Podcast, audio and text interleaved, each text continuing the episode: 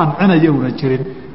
Suuro shabahdana fuqahadii wada ogolaadeen hadday daruuro timaado oo dadku masaajidkii dadku bato oo musallihii ciidda dadkii ka bataan oo meel la istaaga la waayo oy noqoto jamaacadii iyo jumcadii ha ku dhaafto ama halkaa koonaha kala qoro oo safkaa hormari ay soo gaarto de jamaacadii in la tukado lala tukada fadli iyo nas bay leedahay tan laakiin hareerahaa insaan la yidhaahda nas maanica ma laha. Walidaalika rag badan fatwoon jireenoo fuqahada xanaabilada ka midihi hadday cinda daruura timaado oo dadkii jamaacadii meel kale u istaagaan ay kaga xirtaan waayaan jaaza taqadumu wejigiisa maahane. Inta kale sababka horey waa laga geli karaa bay yidhaahdeen. Lianna salaada jamaacada iyo gudashadeeda muqadamun baa laga hormarinayaa in waxoogay ixtiyaadkaa la ilaaliyo. Sida looga hormariyey salaadii acdaartu markay timid in la jamciyo waktigeeda in la ilaaliyo jamaacadii baa laga hormariyay waxyaabo badan. Wa min hunaaba haddii aada maqashaan hadda ciidii musallihii dadkii wuu buuxsamay. Dadkii markuu qaadi waaye hareeraha horay baa loo baxay oo imaamkaa laga hormaray haddaad maqashaan masale jadiid oo cusub oo gariib a ma aha waa masala halkaa cuskato haysata. Masalada waxay u kalifeen asa uga hadlo calaa gayri alcaadati waa masale ciid kasta dhacda oo soo noqnoqota weeye. Marka masaladu fuqahada maalikiyadana waa qabaan. Fuqahada xanaabilada mutaakhiriinta qaar ka midana sida sheekh islaam ibnu taymiya iyana waa fatwoodeen mar haddaan nas cad lahaynin daruurana ay timaado in la tasaamuxayo imaamka wejigiisa maane hareeraha horey safka loo jeedin karo sidaas bay qabaan. Marka masaladu ijtihaadi weeye baabku yahay xaaladaana iyadana xogteeda hay oo ka warqab. Wain sallaa fi lmasjidi hadduu ku tukanayo imaamkii. Walma'muumu ma'muumkana khaarija almasjidi uu yahay masaajidka banaankiisa qariiba minhu kuse dhow wahuwa caalimun og yahay bisalaatihi salaadiisana og yahay. Walaa xaa'ila wax kala xirayo gidaarana una jirin. Hunaaka meeshaas jaaza waa bannaan yahay. Halkanna wuxuu ku leeyahay hadduu imaamku masaajidka ku jiro adiguna banaanka aad kaga xiranayso way asaxaysaa salaadii laakiin shuruud baa ku xihan shardiga koobaadi waa inaad dhowdahay oodan fogeyn. Shardiga labaadi salaada imaamka waa inaad la socon karto rukuuc iyo sujuud iyo istaag iyo fadhigii shardiga saddexaadi waa inaan gidaar idiin dhexaynin saddexdaa shardi waxaa wax daliil xujo muctabara yeelan kara wahuwa caalimun bisalaatihi keliya baa yeelan kara.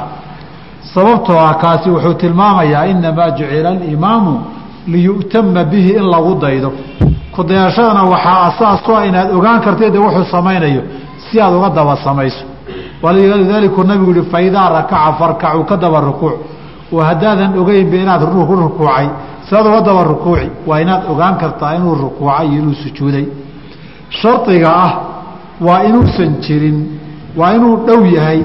Fuqahada shaaficiyada waxaa laga dalbaxay waxay isku dayeen inay xadidaan maxaa dhow maxaa fog. Markaasay qaarkood waxay yidhaahdeen alaai miati diraacin. Saddex boqoloo dhudhun waa inayna ka badnayn. Waa iska laba boqoloo mitir iyo wixii lamida masaajid hadduunan ahayn wasaxiixu waxaa ah salaada hadduu ogaan karo sufuuftuna ay dheeraadaan mid lama ogola sharcan. Sufuuftii masaajidkaoo iska banaan banaan inaa istaagta lama ogola. Halka masaajidka banaankiisa oo banaan adigu inaad tiraahdo makarafoonkaan maqliyo jidkaa u shiriikaan istaagina lama ogola.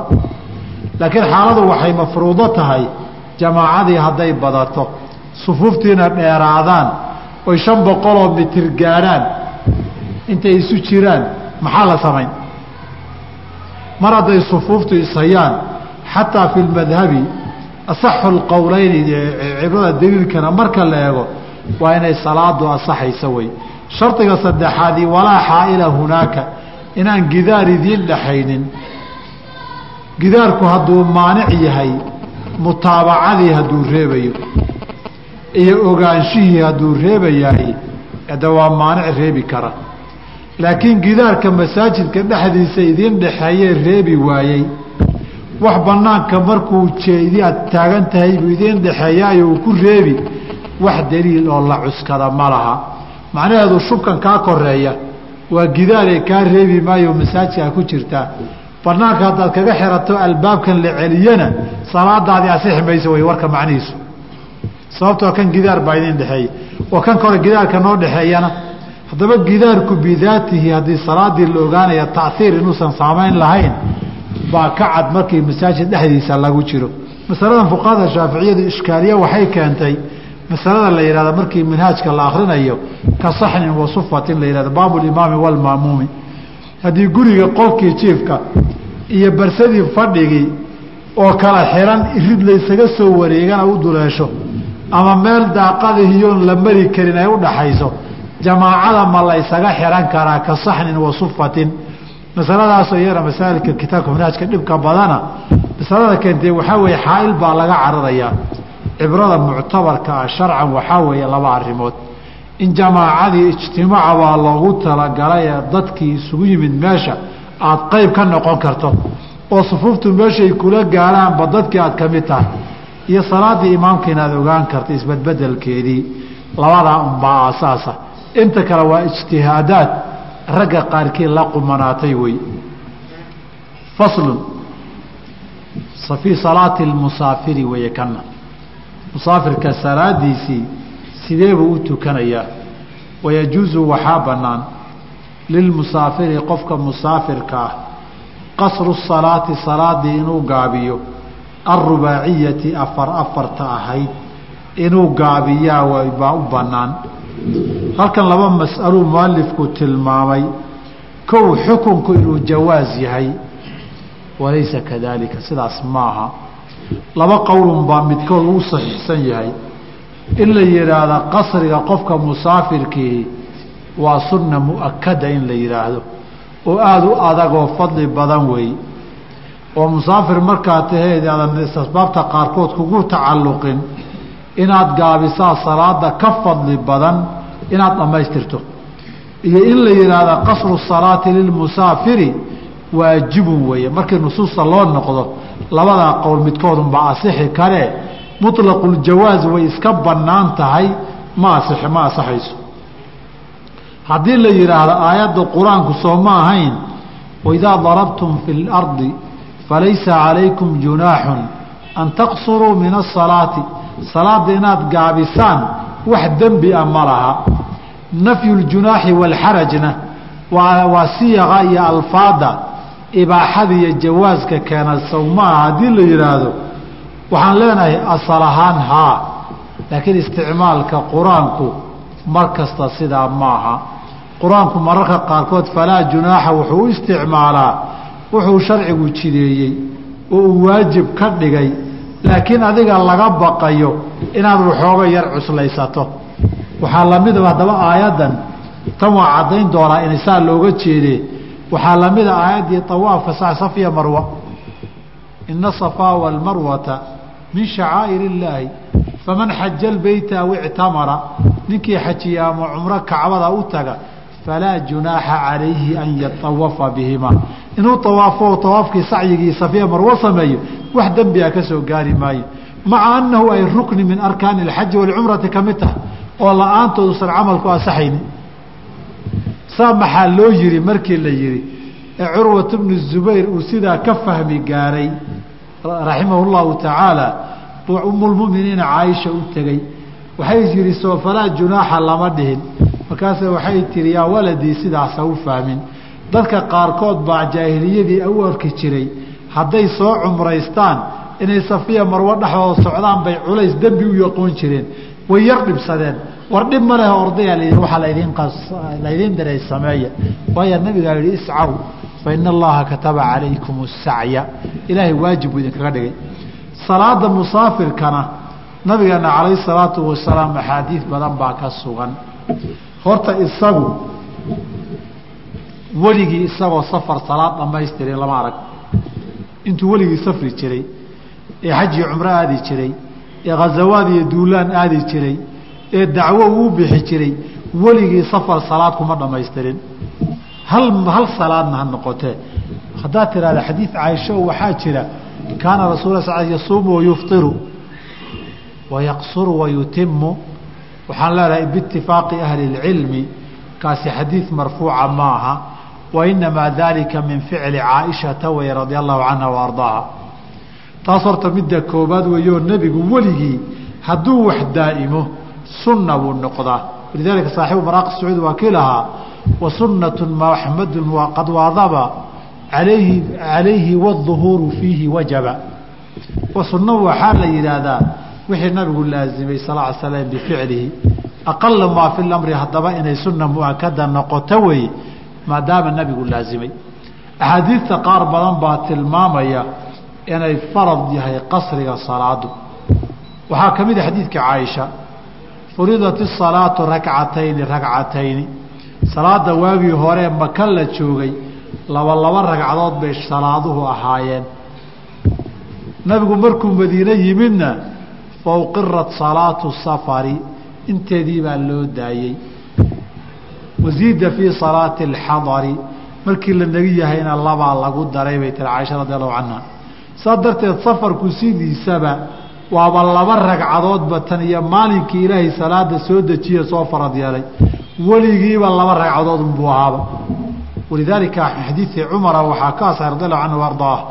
Inuu leeyahay salaatu jumucati rakcataani wa salaatu lciidi rakcataani. Wa salaatu musaafiri rakcataani tamaamu min gayri qasri calaa lisaani muxamadi sala allahu alay wasalam wuxuu yihi salaada ciid waa laba ragcadood jumcaduna waa laba ragcadood tan safarkana waa laba ragcadood sidaasay ku dhammaystiran tahay ma la soo gaabinin. Harintaana afka nebi maxamed baan ka maqlay sal allahu alah ali wasalam saa darteed salaad aslanba sharcigu ma jidayninba afar in laga dhigo ilaa fii xaalaad khaasaa maahane. Walidaalika bay culimo badan oo salafka iyo saxaabada kamidihi markii uu cumar cuثmaan ibni cafaan isagoo xajka hogaaminaya salaadii dhammaystiray bay aad uga xanaaqeen ay aad uga hadleen ibnu mascuud iyo raggii lamidka ahaa. Waxaa li laakiin waa isaga daba tukateene waa markuu li alkhilaafu sharu khilaaf baan ka cararaye waxani nabigaan intaan la joognay abubakar baan la joognay oo cumar baan la joognay weligaiyo salaad safar wax ku dhamaystira cusmaan ka hor maana aragu leh haddaba taasay culimo badan qabaan doodeeda dheer. Alxaafid ibnu xasmi iyo zaad almacaadka ibn اlqayim iyo rag kale baad kutubtooda in badan ka aqriyi saa darteed salaadaasi markay ugu yar tahay salaada qasriga musaafirku sunna muakada weeye markay ugu yar tahay haddii kale farad iyo waajib weeye. Masaladan labaad aan ku dareeyikaadi midda kale salaada la gaabinayo waa salaada rubaaciyadaee afar afarta ragcadooda subaxna lama gaabiyo. Maqribka saddexda ahna lama gaabiyo. Kuma jiraan waxa la gaabinayo. Walidaalika xadiidkii caaisha radi allahu canha wa ee imaamu ibnu axmed iyo ibnu xibbaan iyo keyrkood ay wariyeen ee xasanka ahaa waa ka nabigu sala allahu alayh wasalam caaisha ay leedahay salaada gaabinteeda markay ka hadlay fardati ragcatayn ragcatayn ka hadashay. Bay gadaal waxay ka tiri ila almagriba fainahu witru fainahaa witru nahaari wailaa salaata alfajri. Riwaayad qaarkood asubxa lituuli qiraa'atiha. Salaada subax waxba laguma darin oo akhriskeedaa dheer. Maqribkana waxba iskama dhimin waxna laguma darinoo maalintiibaa watar lagu gebagabaynayo weeye. Saasay caaisha leedahay radia allahu canha wa waana xadiid saxiixoo sugan weeye nabigeena ka sugan sal ly slam saa darteed salaada la gaabinaya waa duhurka casar casarka iyo cishaha wey maqrib lama gaabiyo. Saa waxaan hadalkaa u sii caddaynayaa waa kow iyo sagaashankii baan qolo meel ugu tegay musaafir oo maqribka laba ragcadood tukada war waa sidees. Qasru salaadoo lama dhihin baynaan laba labaha la tukado. Subaxu labuuba sii ahaaye afartii kale ay laba laba ka simeen taasina khata weeye wallahu aclam. Marka salaadii waxaa la gaabin karaa bikhamsi sharaa'ita shan shardi baa lagu gaabin karaa. Shantaa shardi haddii la helo wuxuu leeyahay waa la gaabin karaa haddii kale maya.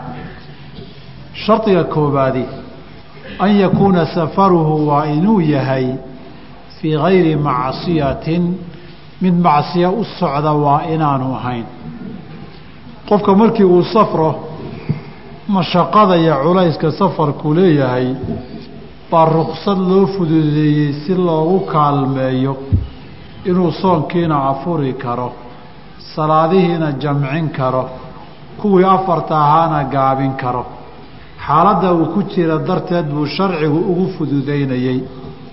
Arrintaa qofka loo samaynayaay wuxuu leeyahy waa inuusan ahayn qof u kaalmaysanaya dembi iyo macsiyo u kaalmaysanaya. Saas darteed qaacidadii waxay ku salaynayaa ahayd alrukhasu laa tunaatu bilmacaasi. Rukhaska sharcigiihi laguma muto dembi iyo macsiyo aada u martay waxani waa fadli ilaahay oo shariicadiisa uu ku jideeyey. Addoommadiisana inuu ku garabsiiyo ugu fududeeya ugu talagalay.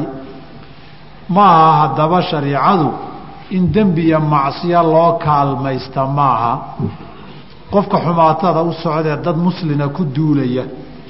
Ama inuu wax ka soo dhaco raba. Ama sinzine iyo fuxshi u socda ama waddan aan bannaanayn u safraya. Safarkaasi axkaamu safarkii rukhaska ahaa ma mudanaya weeye. Alrukhasu laa tunaatu bilmacaasi. Sababtoo isaguna dembi hadduu u socdo waxna loo fududeeyo. Waxay noqon bay yidhaahdeen kaalmo macsiyadii lagu kaalmeeyey oo garab lagu siiyey bay noqon. Safarku haddaba waa laba safnooc caasin bisafarihi iyo caasin fii safarihi wey. Caasin bisababi safar weeyabo marka horeba wuxuu u qalab qaaday ee u ambabaxay. Waa waxaan diinta ku bannaanayn oo dembi ah. Sidii ninka kitaabka qur'aankaa qaatay isagoo qabiil duulaan ku ah. Markaasa waay waleedha qolina waa wadataa kitaabna waa wadataa iseed leedahay. Kanna ilaahay baan u wataa ihi kanna rag baan u wataa kii tukaday isagoo musaafir duulaanka qabiilkaana la weydiiyey wuxuu yidhi rag baan collownay ilaahay maana colloobin buui rag baan isaynaaye ilaahay maanaan colloobin safarkaa u socota hadduu macsiyo yahay oo meesha u socotaba dembi tahay caasin bisafarihi baa la yidhahdaa. Haddii aadan u kicin markii hore dembi oo waad iska safartay goortaad dhexda marayso baa dhexda markaa sii socotaa waxoogay isbedeshayo waxaa tii aniha waabaad socotaaye jidkan aad sii marayso. Baa qolyahan dhexda iska sii boogti. Safarkii dhexdiisaad macsiya isu bedeshay saacaddaa laga bilaabo. Rukaskii sharciga xaquma lihid ee soon la afuray iyo salaad la jamciyo oo la gaabiyo ah xaquma lihid. Waxay ku sii adkeeyaan culimmadu u yidhaahdeen waxaa la rajaynayaa rukaska haddii loo diido inay sababan litawbati noqoto. Maxaa yeelay rukaska sharciga waad heli kartaa bimujarad niyadaadii aada bedeshay tawbana aada niyootood ilaahay waxaa inaad ka noqoto iska dayso aada noqotay. Safartii dhexda haddaad saa kaga soo jiirayso ama meel kale aada u leexiso rukaskii xaq baad u leedahay. Sababtoo dembigii iyo macsiyadii baabkeedii waad ka baxday. Laakiin aniga baabka macsiyada waa sii wadan rukaskana waa u sii kaalmaysan waxay yidhahdeen isma qabanayso. Rukaskii diin ahaan lagugu fududeeyey dembi in loo kaalmaysta isma qabanaysa yidhahdeen qaacidada fiqiga shaaficigu ay leeyihiin waxay ka hoos baxday qolyahan teeg aweyga ma taqaanaan teeg aweyga. Ninbaa maaldhaweyt wuxuu yihi saddex baan la yaabay shan jir ama ama hadayde ah reerkiiba guriga laga soo diri ma shan jira soo maaha. Dukaankiiba imana waa lagu keeni doonaaye. Waxay waxaa nasiibu dhihi. Weli waa shan jir ama hadayde ah iyo wuxuu yihi shan iyo toban jir garoob curatay ah. Reerkoodii gabadh buu haystaan laakiin meelahaasaa teeka wey iyo lagaga sameeyey khudbasiro waa waa horaaba ay reer noqotay buri waa shan iyo toban jir. Midda saddexaad wuxuu yihi sheekh dumar dilaalaya. Baasla la yaabay bui qolyahan teeka weygaa gaari baa la qaadan gabadh iyo wiil baa la kaxayn darawal iyo nin kaloo markhaati iyo wadaadna waa la saari kilomitirka eber eber la geyn hayweyga neekuriya mombaasaa la saari.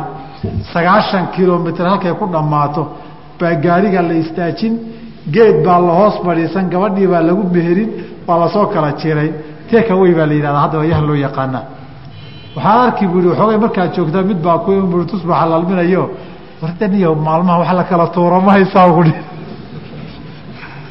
shakdoor dilaalayaa la yahay wax la kala tuuro tekawey oo la raaco lala soo jiray oo xoogay laga qaato ma haysaabu kuleeyahay marka dadkii way jabeen idinku war uma haysaane wadadan namaanga aadiyo wadadan mambaaso aadiyo tanakuru aada inta gabarh teekaweya la sii waday la soo celinaya tiro ma laha wadaadkii laftiisa al raacin.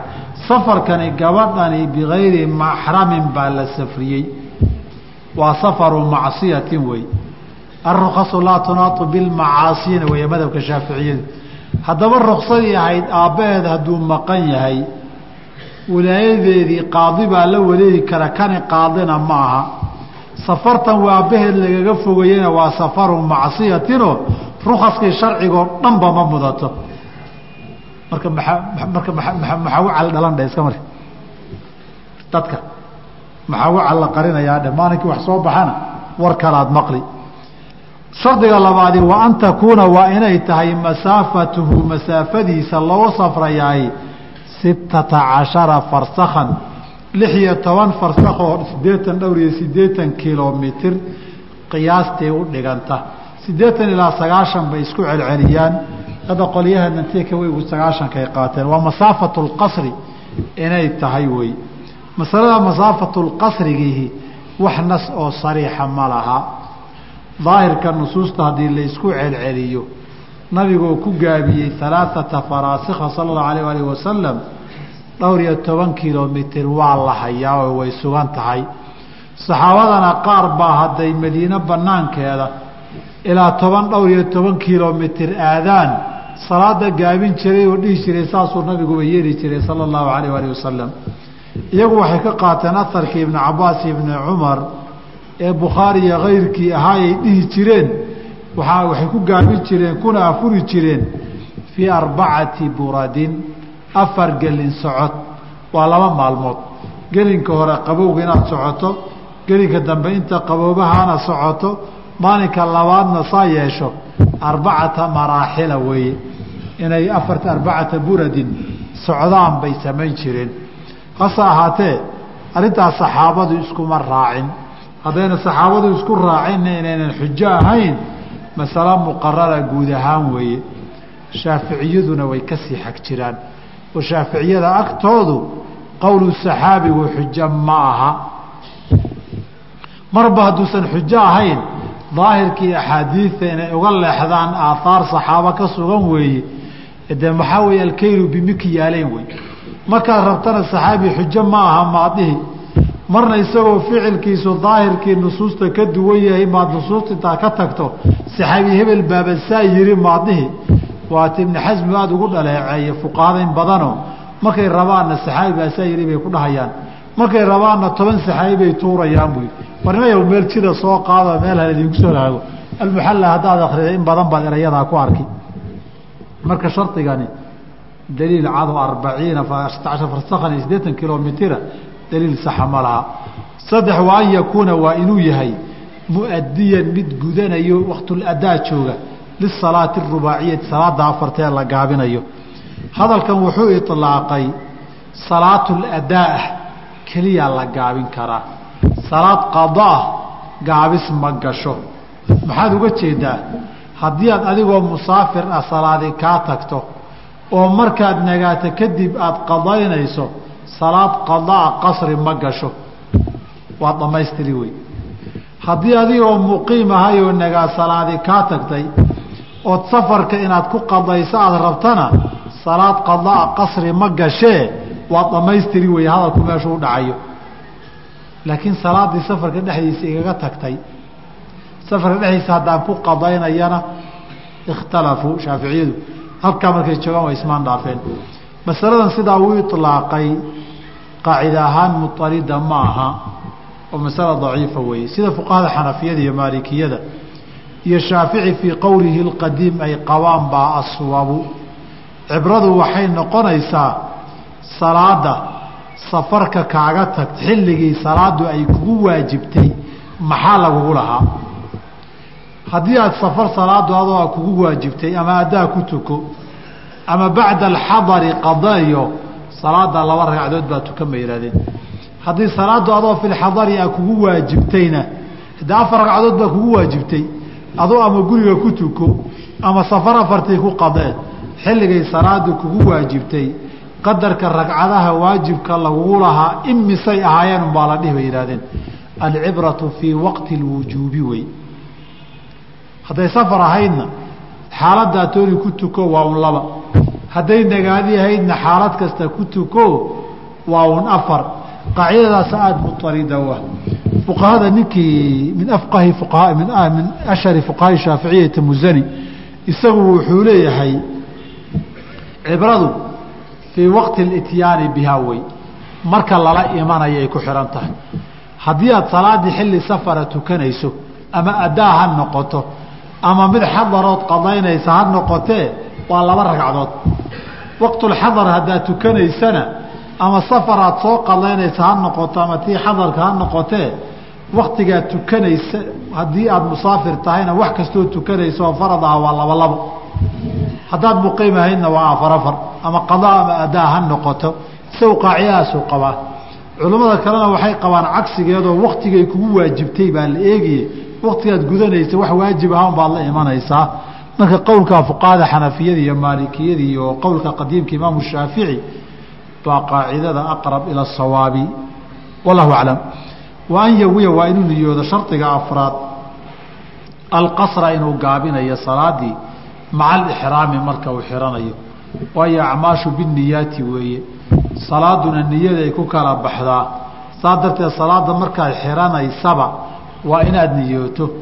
Fuqahada shaaficiyada faracoodii xanaabilada cumuuman la qaba. Xanafiyadu waxay leeyihiin markaad safarta u baxayso haddaad niyooto salaada inaad gaabiso kifaaya. Intaasaa ku filan.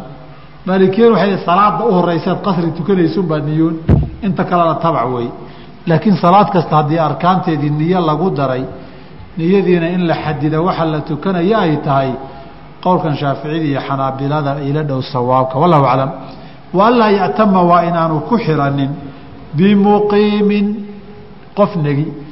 Adigoo musaafir ah haddaad masaajidka timaado oo nun muqiim ahoo afar tukanaya ay imaamkuu noqdo afar baa tukan. Masaladaasi nasan weeye oo masalo muran in la geliyo mudan ma aha walidaalika baa abu daawuud iyo kayrkii waxay wariyeen min xadiidi ibni cabaasin radia allahu canhuma wa ardaahumaa in la weydiiyey dad soo xajiyey isagu reer maku ahaaye baa weydiiyey waxay dhahen ibnu cabaasow markaan keligaiyo tukannana labalabaanu tukannaa idinkii reer makaha markaa idinku xidhannana afar baanu tukanaya sidan maxay tahay markaasuu wuxuu yihi tilka sunnatu abilqaasimi sala allahu alayh wasalam sunnada nabigaa sidaa ah buuri mar haddaad qofnagii ku dayatay oo afar tukanaya maamuun baa tahay imaamkaa tabac u tahay oo dabadhoon u tahood raaciye. Intuu tukaduu la tuka sidaasuu yii ibnu cabaas nabigaa laga dhexlay buhi arrintaas sal alah alih wasalam wayajuuzu waxaa bannaan. Lilmusaafiri qofka musaafirka an yajmaca inuu kulmiyo oo isu geeyo bayna aduhri waalcasri uu kulmiyo. Fii waqti ayihimaa labadooda waqtigooda mid kasta oo shaaa uu doono wa bayna almagribi waalcishaai maqribka iyo cishaha inuu isu geeyaa u bannaan fii waqti ayihimaa midood waktigeedii shaaa uu doono. Salaada qofku musaafir hadduu yahay jamac baa u bannaan. Jamacaana taqdiimna waa noqon karaa in la soo hormariyo salaadii dambe oo tahoro la isugu keeno oo duhurkii iyo casarkii duhurka aad wada tukato. Maqrib iyo cishana maqribka aad wada tukato. Inaad isla dib dhigtana way noqon kartaayo duhurkii intaad dib u dhigto aad casarka waktigiisa la tukato ama maqribkii cishaha waktigiisa la tukato labadaba waa jaa-izaynoo way kuu bannaan yihiin. Nabigana sal ly slam waxaa ka sugan haddii uu salaadaha inuu jamcin jiray duhurka iyo casarka haddii uu safar yahay maqribka iyo cishahana uu jamcin jiray. Ma sharibaa inaad socoto ood safar ku jirto? Maya. Shari maaha. Cala saxiixi waayo nabigu gaswatu tabuuk bil buu meel deganaa bishaana mararka qaarkood salaadaha waa jamcin jiray. Sida ka sugan imaam maalik fii muwaaihi uu ku wariyey. Saa darteed mardaad xukunkii safarka ku dhex jirto aljamcu bayna asalaatayni taqdiim iyo taakhiir labadaba waa lagu ogolyahay. Wayajuusu waxaa bannaan lilxaadiri qofkii nagaayee guriga joogay filmatari marka uu roob da'ayo an yajmaca baynahumaa labada salaadood inuu isu geeyo duhur iyo casara ama maqrib iyo cishaa fii waqti اluulaa tan hore waqtigeedoo minhumaa labada salaadooda jamcu taqdiim keliya u furan buu yihi waayo ta soo socota cudurdaarkan iyo roobkan inuu jiri doono war looma hayo saa darteed maqribka iyo cisha hadduu roob da'ayo maqribka waa la israacin karaa duhurka iyo casarkana waktiga duhurka waa la israacin karaa maxaa la isu raaciyo waktiga loo ilaalin waayey? Rica muraacaatu ljamaacati in la ilaaliyo jamaacada baa ka awleysan in waktiga la ilaaliya bay daliil u tahay. Haddaba jamaacada ahmiyadday leedahay kutusaysaa haddaba taasi waxay ku banaanaatay waa xadiidka ibnu cabaas nabig ala slam madiina inuu ku jamciyey fii gayri khawfin walaa maطarin riwaayadka qaarkood walaa safarin de walaa safarin maxay macno ay soo kordhin? Markii la rasuulka ilaahi wuxuu ku tukaday madiina sabcan wa hamaaniya socoto afar iyo saddexa. Bilmadiinati hadduu joogo ma safar ba safar ma taalo walaa safarin wax macnaha soo kordhin mayso. Walidaalika bacdu ahli اxadiid waxay ku tageen jumlada walaa safarin inay shaada tahay ino asixin ee sawaabku yahay fii gayri khawfin walaa maطarin robna ma jirin ibnu cabaas waxaa la yidhi taa muxuu uga jeeday nabigu? Araada an laa yuxarija ummatahu. Ummaddiisa ciriiri badan inay dareeyin buu uga jeeday oo marmar qofkay duruufi qabsato. Oo laba salaadoo israaciya wixii aan joogto ahayn. Xadiidkaa waxaa laga fahmay fii gayri khawfin walaa maطarin marka la yidhi in khawfkana la jamciyo way soo aroortay. Maطarkana inay caadi ahayd roobka in la jamciyaa laga fahmay in roob markuu jiro la jamciyo labada salaadood inta anigu aan ogahay wax nas oo sariixa ma laha. Risaaladan uu qoray aljamcu bayna asalaatayni fi lmaطari sheekh muqbil ibn hadi lwaadici axaadiideeda uu ku ururiyeyna inta uu soo ururiyey riwaayaad sidanoo uun laga fahmi karo maahane wax sariix ku ammaanan ku arag. Haddaan daakiradaydu ka bixin oo halmaamin wakti hore ay ugu dambeysay. Faslun mise wakti waa dheeraaday jumcadii baan galamiya. Ayib halkaasaan isaga daynaynaa sal allah subxaanaka allah bixamdika ashhadu an laa ilaha illa anta astaqfiruka atuub ilayk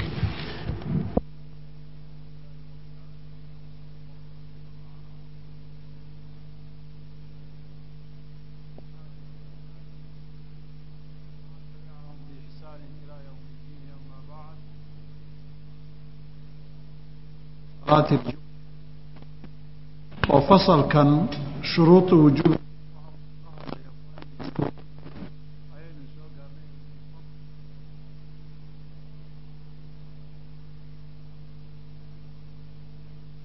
jumcadu inay waajib tahay ka tegitaankeeda cudurdaar la'aan laga tagana uu dembi weyn yahay.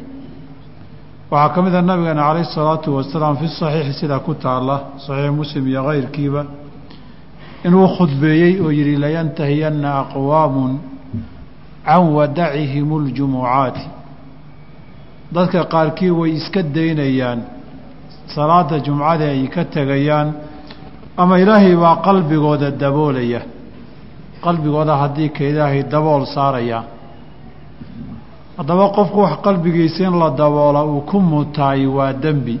Dembigaa qalbiga lagu daboolaa sida ilaahay qur'aanka ku yihi kalaa bal raana calaa quluubihim maa kaanuu yagsibuun qalbigooda waxaa daboolay dembigay samaynayeen. Ee nabigu ku tilmaamay calayhi salaatu wasalaam markaa dembi samaysaba wax yaroo madow qalbiga inuu fuulayo haddaa ka toobad keentana uu nadiif noqonayo. Haddaa ka toobad keeni weydana madowgii dembiyada isdabajoogga uu badanayo ilaa qalbigii oo dhanba uu daboolmo oo madoobaado oo uu noqdo kalkuusi mujakhiyan la foorariyey.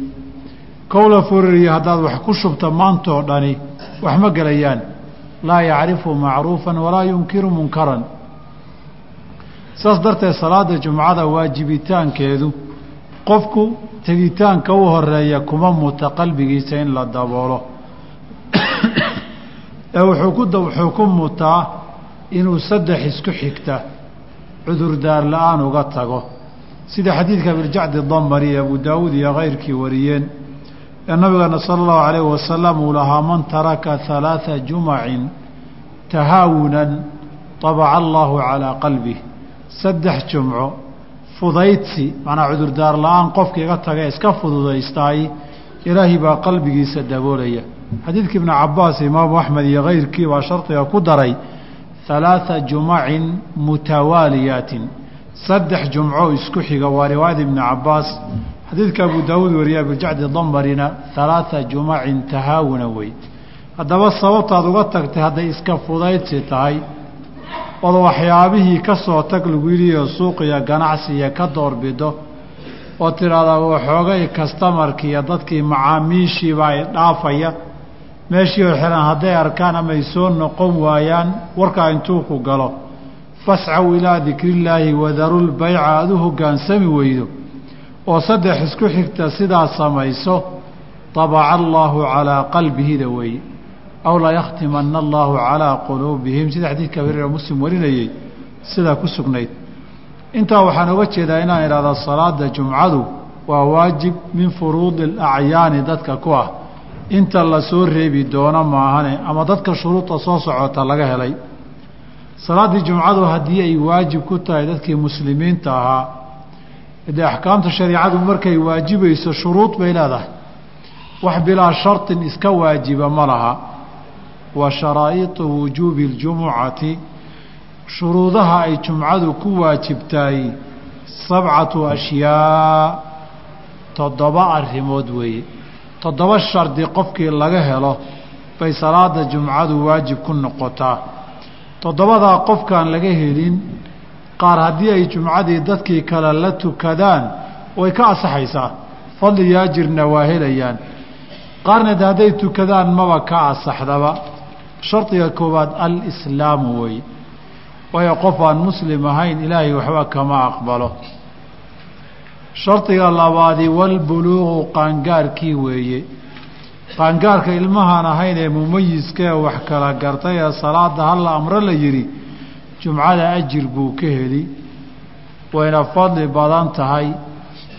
In lagu tarbiyeeyo oo la baro jumcada imaatinkeediiyo u diyaargarowgeeda yariba uu la qabsadana waa arrin wanaagsan laakiin waajibkuma aha walcaqlu baa shardiga oo qofku qof caqli loo wax kala garanaya inuu yahay haddii uu qofku caqligiisu tago ama waaba miyir leeyahay qofkii ama waa qofkaa waalan ee bigta ee socda ama waa qof waayeelay oo isku dardarmaday oo caqligiisii baaba-ay midkuu dooniba ha noqdee qofka caqligiisu zuulo de kamaba asaxaysa lagumana laha labadan shardi waa kuwa nabigu ku sheegay calayhi salaatu wasalaam. Xadiidkii ulaa rufica alqalamu can alaaatin can innaa'imi xataa yastayqid. Qofka hurda ilaa uu tooso waxba looma qabto. Wa can isabiyi xataa yaxtalim. Ilmihii yaraana ilaa uu qaan gaaro isna waxba kuma waajibaan. Wa can ilmajnuuni xataa yacqil iyo qofkii waalaa ilaa caqli uu yeesho oo caqligiisu u soo noqdo isna waxba laguma laha. Shardiga afraadi walxoriyatu qofkani qof xora inuu yahoon addoon ahayn. Haddii uu addoon yahay waxay ka mid tahay wujuubka jumucadu axkaamta cibaadaadka ee addoommada iyo xortu ku kala duwan yihiin bay ka mid tahay. Shardiga shanaadi wadukuuriyatu inuu qofkani qof rag a yahay oo labood ah baa shardiga markay ku waajibayso dumarka salaad jumca laguma laha faradna kuma aha. Haddiise ay yimaadaan wayna ka asixi ajirna way ka helayaan. Imaatinkooduna waa fiican yahayoo xilligii nabigaba calayhi salaatu wasalaam gabdhaha muslimkiihi salaada jumcada waa iman jireen waana dhagaysan jireen wacdiga isu imaatinka muslimiinta iyo khayrkana waa ka faa'iidaysan jireen. Laakiin waajib kuma ahano haddii intii masaajidka ku tukatay iskaba tagto ama ay gurigeedaba iska joogto ama ganacsigeedaba isaga sii furaado wax dhibaato ah ma laha. Wasixatu qofku inuu caafimaad qabaa shardiga lixaad ah. Hadduu qofkuba jiran yahay ama xanuunsan yahay jiradaas iyo xanuunkaasoo ka reebaya inuu salaadii jumcada yimaado ama uu soo xaadiro isna laguma laha wixii awooddiisa ka baxsan. Walistiitaanu qof negi inuu yahay oon masaafurna ahayn reer guuraana aan ahayn baa isagana shardi ah. Afartan shardi ee dambe nabigeennay ka sugan yihiin iyaguna sala allahu calayhi waaalihi wasalam oo nabigeenna waxaa ka sugan jumcadu inay waajib ku tahay xadiidkii taariq ibni shihaab saxaabigii sagiirka ahaa ee saxiixa ahaa ee abu daawuud iyo kayrkiiba ay warinayeen. Baa nabigeenna calayhi salaatu wasalaam wuxuu ku yidhi jumcadu waa xaq waajib ku ah calaa kulli muslimin. Qof kasta oo muslima marka laga reebo saddex buu isagu she ilaa arbacatan afar maahane. Cabdun mamluukun laguma laha. Addoonka la leeyahay jumco laguma laha. Qofka labaadi aw imra'atun qof dumar ahna jumco laguma laho waajib kuma aha. Aw sabiyun ama ilmo caruura aw mariidun ama qof jiran. Musaafirka waxaa ku daray laba daliil baa ku daray musaafirka. Midi waxaa weeye nabigeena calayhi salaatu wasalaam ficilkiisii iyo dhaqankiisii isagoo weli intii uu safrayay ama ghasawaadkii iyo dagaalada aadayey ama xataa xaj iyo cumro uu soo aadayey lama warinin isagoo jumco ku tukada safar. Isagoo musaafirah oo salaad jumcaha tukaday lama soo guurin waxaa kaa xoogeynaya xadiidkii jaabir ibni cabdillaahi oo sanadkiisa dacfi ha ku jire. Xadiidka taariq ibni shihaab iyo kayrkiiba ay xoogeynayaanba waxaa ka mid a inuu nabigu yihi qofkii aakhariya ilaahay rumaysan jumcada ha tukado.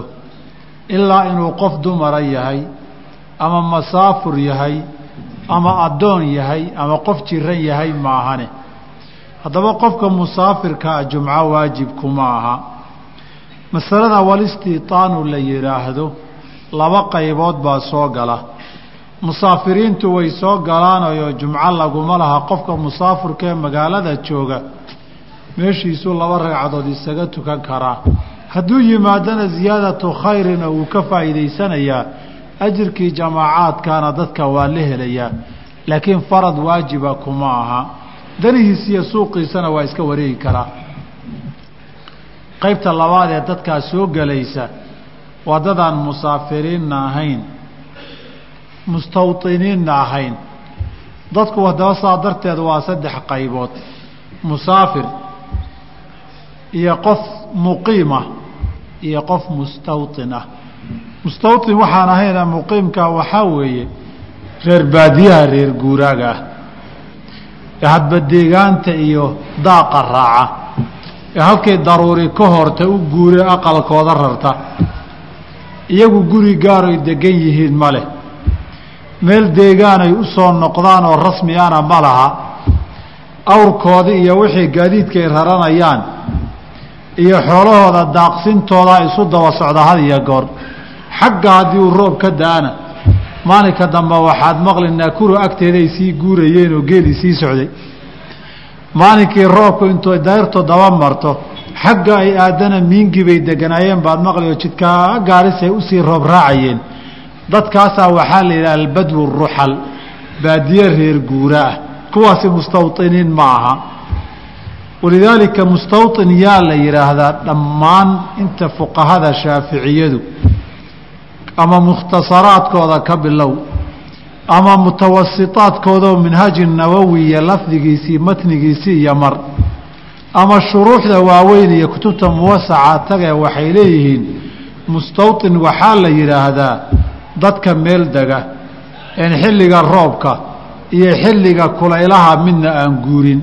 Halkoodaa deganay deegaanka rasmiga u tahay ama beeraley ha noqdaan ama xoolo xataa ha u soo galaanoo iyagu dadaan guurin ha noqdaan dadka qaar waxaa jira reer nagaadi ah. Laakiin markay xaaladii kululaata dhalinyari iyo dad xoog badan iyo baa xoolaha la raaciyaayoo roobka iyo deegaanta u raaca la yidhaahdaa. Reerkana meeshii rasmiga ahayd buu ku soo haraa. Kuwaasi waa mustawطiniin ama aqal soomaali ha dhisto. Ama khaymadiyo teendhooyin ha waabtaan. Ama guryo dergadaa ha taagtaan iyo dhagxana. Hadda waxaa la yaab leh labaatan sano dad meel degan oon weligeed habeen meel uga guurin baa wuxuu rabaa inuu qaato xukunkii reer baadiyaha deegaanta raacaya. Markaasuu wuxuu ku leeyay xeryaha qaxootigaan joognaayo mustawiniin ma nihin. Haddii la yidhi shaaficiyaad sheegateenee bal inaynan mustawiniin ahayn kutubtii shaaficiyada ka keenana wareegeysi bay bilaabayaanoo meeshii madasha lagu ballamo madaxa soo siin maayaan. Dhammaan fuqahada shaaficigu mustawin waxaa la yidhaahdaa aladiina laa yartaxiluuna sayfa walaa shitaan. Kulaylaha iyo qabuubaha midna ma guuraan. Hadda qaxootiyadan kow iyo sagaashankii soo degay ama labaiyo sagaaشhankii saddex sagaashankii oo ilaa maanta miyay meel u guureen? Carruurtii ku dhalatay baa ku guursanaysa. Geedihii lagu tallaalayna way ku duqoobeen. Hoos intay yeesheenay weynaadeen bay geedihii duqoobeen. Dergadana ganacsina waa laga dhistay meelana loogama socdo marka niyat rujuuc baan qabnaa. Cudurdaar maaha. Mustawطin waxaa tahay markaad meel degto aadan deegaan iyo roob ka raacaynin. Innaga soomaalidan waxaan shabaha waxaan ku arkay yurub taasaan kuwaan mustawطiniin ahayn ku arkayoo niman jibs la yidhaahda aan arkay. Nimankaasi gaadhigoodu waa bahallahan hadda meelaha karafaanada ay dhigtaan kaasoo kaleeta weeye gurigoodu. Gaadhigooduna ugu xihan yahay wax walba isagu u dhex yaallaa caawa waa geedi. Habeen dambe waxaad u iman magaalo heblo duleedkeeda iyagoo meel bannaan oo beera intay wada dhigteen aada moodi muddo dheer inay deganaayeen. Waa guryaha hadda un hadda meelaha degdega ay ka dhistaan hay'adihiiy somayda arag. Kuwaasoo kaloo diyaarsan baa gaari daba gaari gacan buu ugu xihan yahay gaarigiisa. Gaarigu gadaal ugu xirtaa saaka waa guuray. Kuwaasoo kaleeto xukmulbadwi ruuxal bay qaadan laakiin ninka nairobi degan ama gaarisa degan ama qaxootiyada deganow mustawطin baa tahay. Wa sharaa'iطu ficlihaa samaynta iyo la imaatinkeeda shuruudda laga rabana alaaatun saddex weeye marka la samaynayo meesha lagu samaynayo iyo dadka samaynaya si ay jumcadii u sameeyaan saddexdana laga rabaa buu yidhi. Kow an takuuna albaldu baladu magaalada iyo meesha lagu samaynayo misran magaalo weyn inay tahay aw qaryatan ama tuulo yar. Labada eray bay fuqahada shaaficiyadu erey ka gaaban bay ku soo aruuriyaanoo waxay yidhaahdeen wa an tuqaama fii khuطati abniyatin bay yidhahdaan meel guryaheeda la jeexay oo guryaha si fiican loo degay rasmi ah in lagu ooga weeyey jumcada oo ay dadku boosaskiiyo kala calaamadaysteenoo deegaan rasmiya loo degay waa in lagu ogaa. Laba shardiga sidaasihi wax nas oo caddeeyey ma laha. Laakiin waxay leeyihiin waxaa laga fahmi karaa xilligii nabiga calayhi salaatu wasalaam meelaha deegaanka rasmiga loo degan yahay ee quraa iyo mudunka ah magaalooyinka iyo tuulooyinka baa jumcada lagu tukan jiray shardiga labaad waa an yakuuna alcadadu.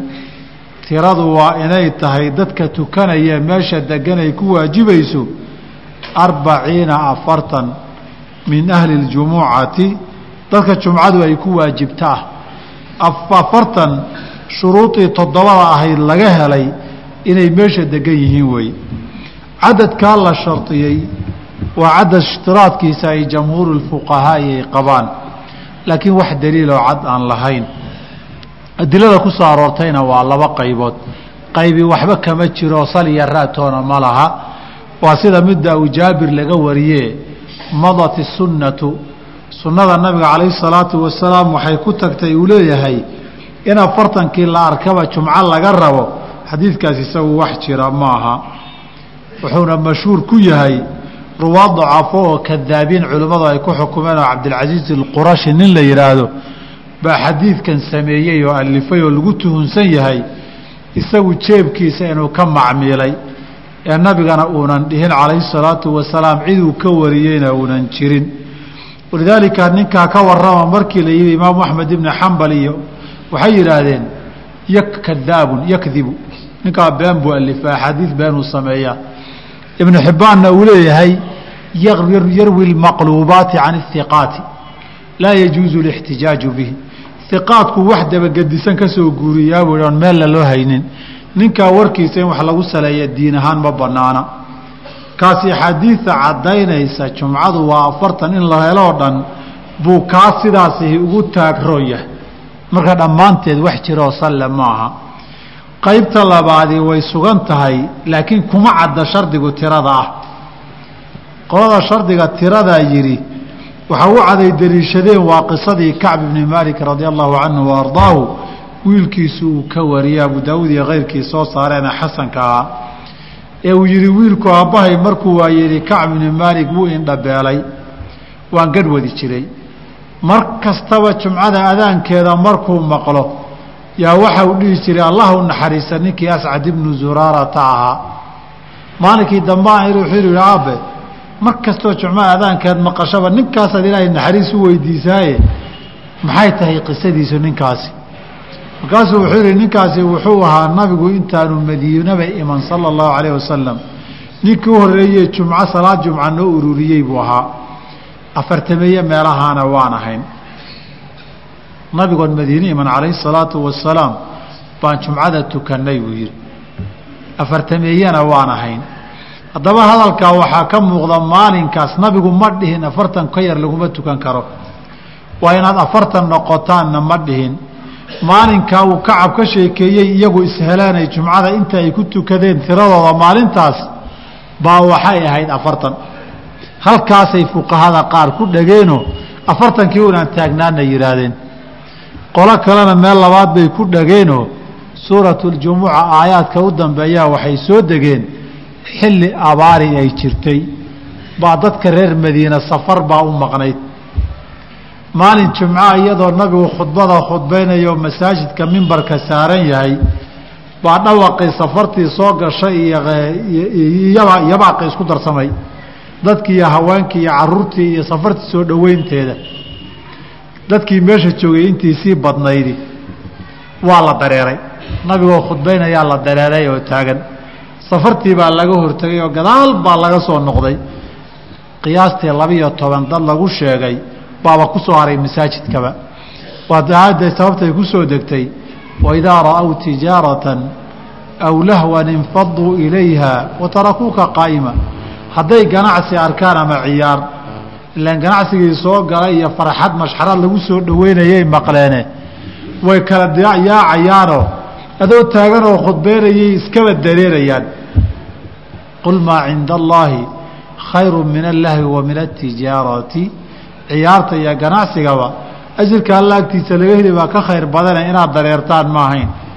Fuqahadan afartan kale waxay leeyihiin iyagu khudbadii oo socota afartankii hadday wax isdhimaan waa in la joojiyaa way dhammaatay waayo shardi baa meeshii ka baxay oo jimco lama wadi karo. Nabiguna calayh salaam labayo toban baa ku hartayoo khudbadiisuu iska sii watay.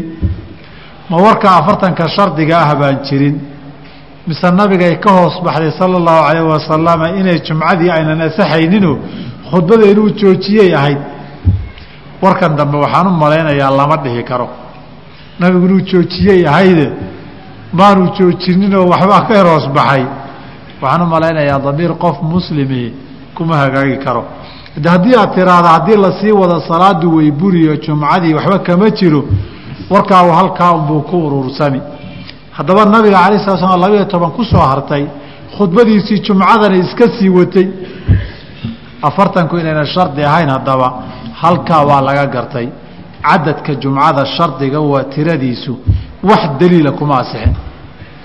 Laa aaya walaa xadiid maadaamuusan wax daliila ku asixin bay culimmada qaar waxay yidhaahdeen jamaaca imisaa ugu yar aqaluljamci masale la yidhahdaa laysla aaday ma labaa mise waa saddex jamhuurtii saddexda u badatay waxay yidhaahdeen saddex baa jumco tukan karto waa jamaaca. Qolo waxay yidhahdeen maya jumcada yaynaan saddex keliya ka dhigin salaadaha kaley jamaacadu saddex tahay jumcada laakiin intaa wax ka badan baa la rabaa waa inuu jamac kuusanoo shicaar iyo astaanay ka muuqan karta waa in la helaa. Laakiin tiro haddaan qabanno aayad iyo xadiidna aynaan haynin. Dee tiradan xaggeed ka keentay aakhare haddii lagu yidhahda maxaad dhihi? Baa sheegay tirada inay shardi tahay maya. Ma nabigaa caddeeye ma hayo. Oo intee ka keentay adugu tirada haddii lagu yidhaahdo? Ma hayno laakiin waxaan haynaa bay yidhaahdeen. Jumcadu waa shicaar iyo astaan isu imaatin iyo kulanti weyn la muujinayo meesha la joogay ku xihan tahay tuulada yarna waxoogay yaroo isu tegey baa waxay u muuqanayaan dad badan oo isu soo baxay. Magaalada weynna dad intii soddon laabkeed afartan isu timid baan cidiba dareemaynin. Hadda masaajkeenna afartan hadday timaado oo afartan dareerto. Masaajka inuu dad ka soo dareeray miyaa laba dareemi magaaladaan deganahay dadkeeda. Laakiin haddii ay labaatan isugu timaado tuulo gebigeedaba ay konton labaatan qoys degan yihiin meeshay labaatan isugu timaado ee ka soo dareertay ishaa wada qaban. Waxay leeyihiin tiro go-an yaynaan qabane hadba goobta la joogo ha kala duwanaato. Waa in meeshii dad badan inay ka soo dareereen meesha loo arki karo isugu yimaadeenoo shicaar muujin kara. Calaa kulli xaal cadadku shari ma daliil ma laha. Shardiga saddexaadi wa an yakuuna waa inuu yahay. Alwaqtu waqtigii baaqiyan mid weli jooga waqtigii duhurka waxay leeyihiin duhurka waqtigiisaa jumcada la tukanayaa waxayna bedel ka tahay jumcadu salaadii duhurka. Mar hadday duhur bedel ka tahay waa in waqtigiisii ay ku ekaataayo aanay dhaafin. Taasi waa sida jamhuurta fuqahada badankood ay qabaanoo jumcada shuruudeeda dukhuulu waqti duhri baa ka mid a maadaama bedelkii duhurka ay tahay. Laakiin nusuusta nabiga cala salatu salaam marka lagu noqdo xilligii jumcada uu tukan jiray isaga iyo khulafadu marna xilliga duhurku soo galay tukan jireen in badan. Mararka qaarkoodna salaada jumcada xilliyada duhurku soo galo baa lagu kala dareeri jiray. Xilliga duhurku soo galo baaba lagu kala dareeri jiray. Oo qaar riwaayaadku ay leeyihiin waxaa jumcada ka dareeri jirnay iyada oo gidaarku hoos la ysku yarnaba uusan lahayn. Waxaan ka dareeri jirnay iyadoon la qayluushanin baa salaada soo tukan jirnay. Qaarna waxay riwaayaadka qaarkood caddaynayaan iyadoo la is leeyahay talow ma zuulay qoraxdii ma zuushay doo duhurkii ma soo galay baanu dareeri jirnay mararka qaarkood. Haddaba salaada jumcadu mararka qaarkood xilliga zawaalka ka hor in la tukan karo bay nusuustu caddaynaysaa laakiin madaahibta fuqahada ee afartiihi waktiga duhurku waa inuu soo galaa bay leeyihiin fain kharaja alwaqtu saa darteed waktigii haddii uu baxo aw cudimat ishuruuطu ama shuruudii qeyb la waayo sulliya duhran baa la tukanayaa dadku haddaan jumco la tukanin in salaadii duhurka la tukado ama qofkii ahlulacdaarka ka mid ahaa ama qofkii gaboodfalka sameeyey isagoon cudurdaar lahayn dayacay jumcadii dee salaadii duhur buu tukanayaayo haddaad jumco tukan weyday waad madax bannaan tahay la dhihi maayo. Wa faraa'iduhaa arkaanta jumcadu alaaatun saddex weeye. Khudbataani laba khudbo yaquumu fiihimaa labadaba uu istaagayo wayajlisu baynahumaa dhexdoodana uu fadhiisanayo waa midda koobaad. Oo nabigeenna sal allahu alayh ali wasalam markuu jumcada khudbaynayo wuu istaagi jiray kaana yakhtubu qaa'iman. Taagni buu ku khudbayn jiray. Kadib waa fadhiisan jiray. Kadibna waa istaagi jiray labadaa khudbo. Waa nasan weeyo. Nabigay ka sugan tahay calayhi salaatu wasalaam haddaba laba khudbo khudbataani jumcadu inay leedahay way sugan tahay. Yaquumu fiihimaa taagni in lagu aqriya asalku inay tahayna iyadana way sugantahoo nabigaa samayn jira ala slaam wayajlisu baynahumaa dhexdooda inuu fadhiistana iyadana way soo aroortay oo way sugan tahay. Inta la fadhiya labada khudba dhexdoodu wax dikri iyo askaas soo arooray oo ama imaamku u aqrini ama ma'muumiintu ay aqrinayaani ma jiraan. Qofku dikri mutlaqa waa iska aqriyi karaa laakiin dikri khaasa ama aada dareemaysa haddaadan aqriyin wax si kaa yahay ama imaamku markuu fadhiista labada khudbo dhexdooda afku dhaqdhaqaajinayo bishimaha dhaqdhaqaajinayo wax dikri oo sharcan gaar u soo arooroo nabiga laga soo guuriye alay slam ma jiraan. Labadaa khudba haddaba salaaddii haddaan la khudbaynin jumco ma la tukan karaa oo masale fuqahadu ay isku khilaafeen wey. Fuqahada waxay isku waafaqsan yihiin khudbadu waa waajib.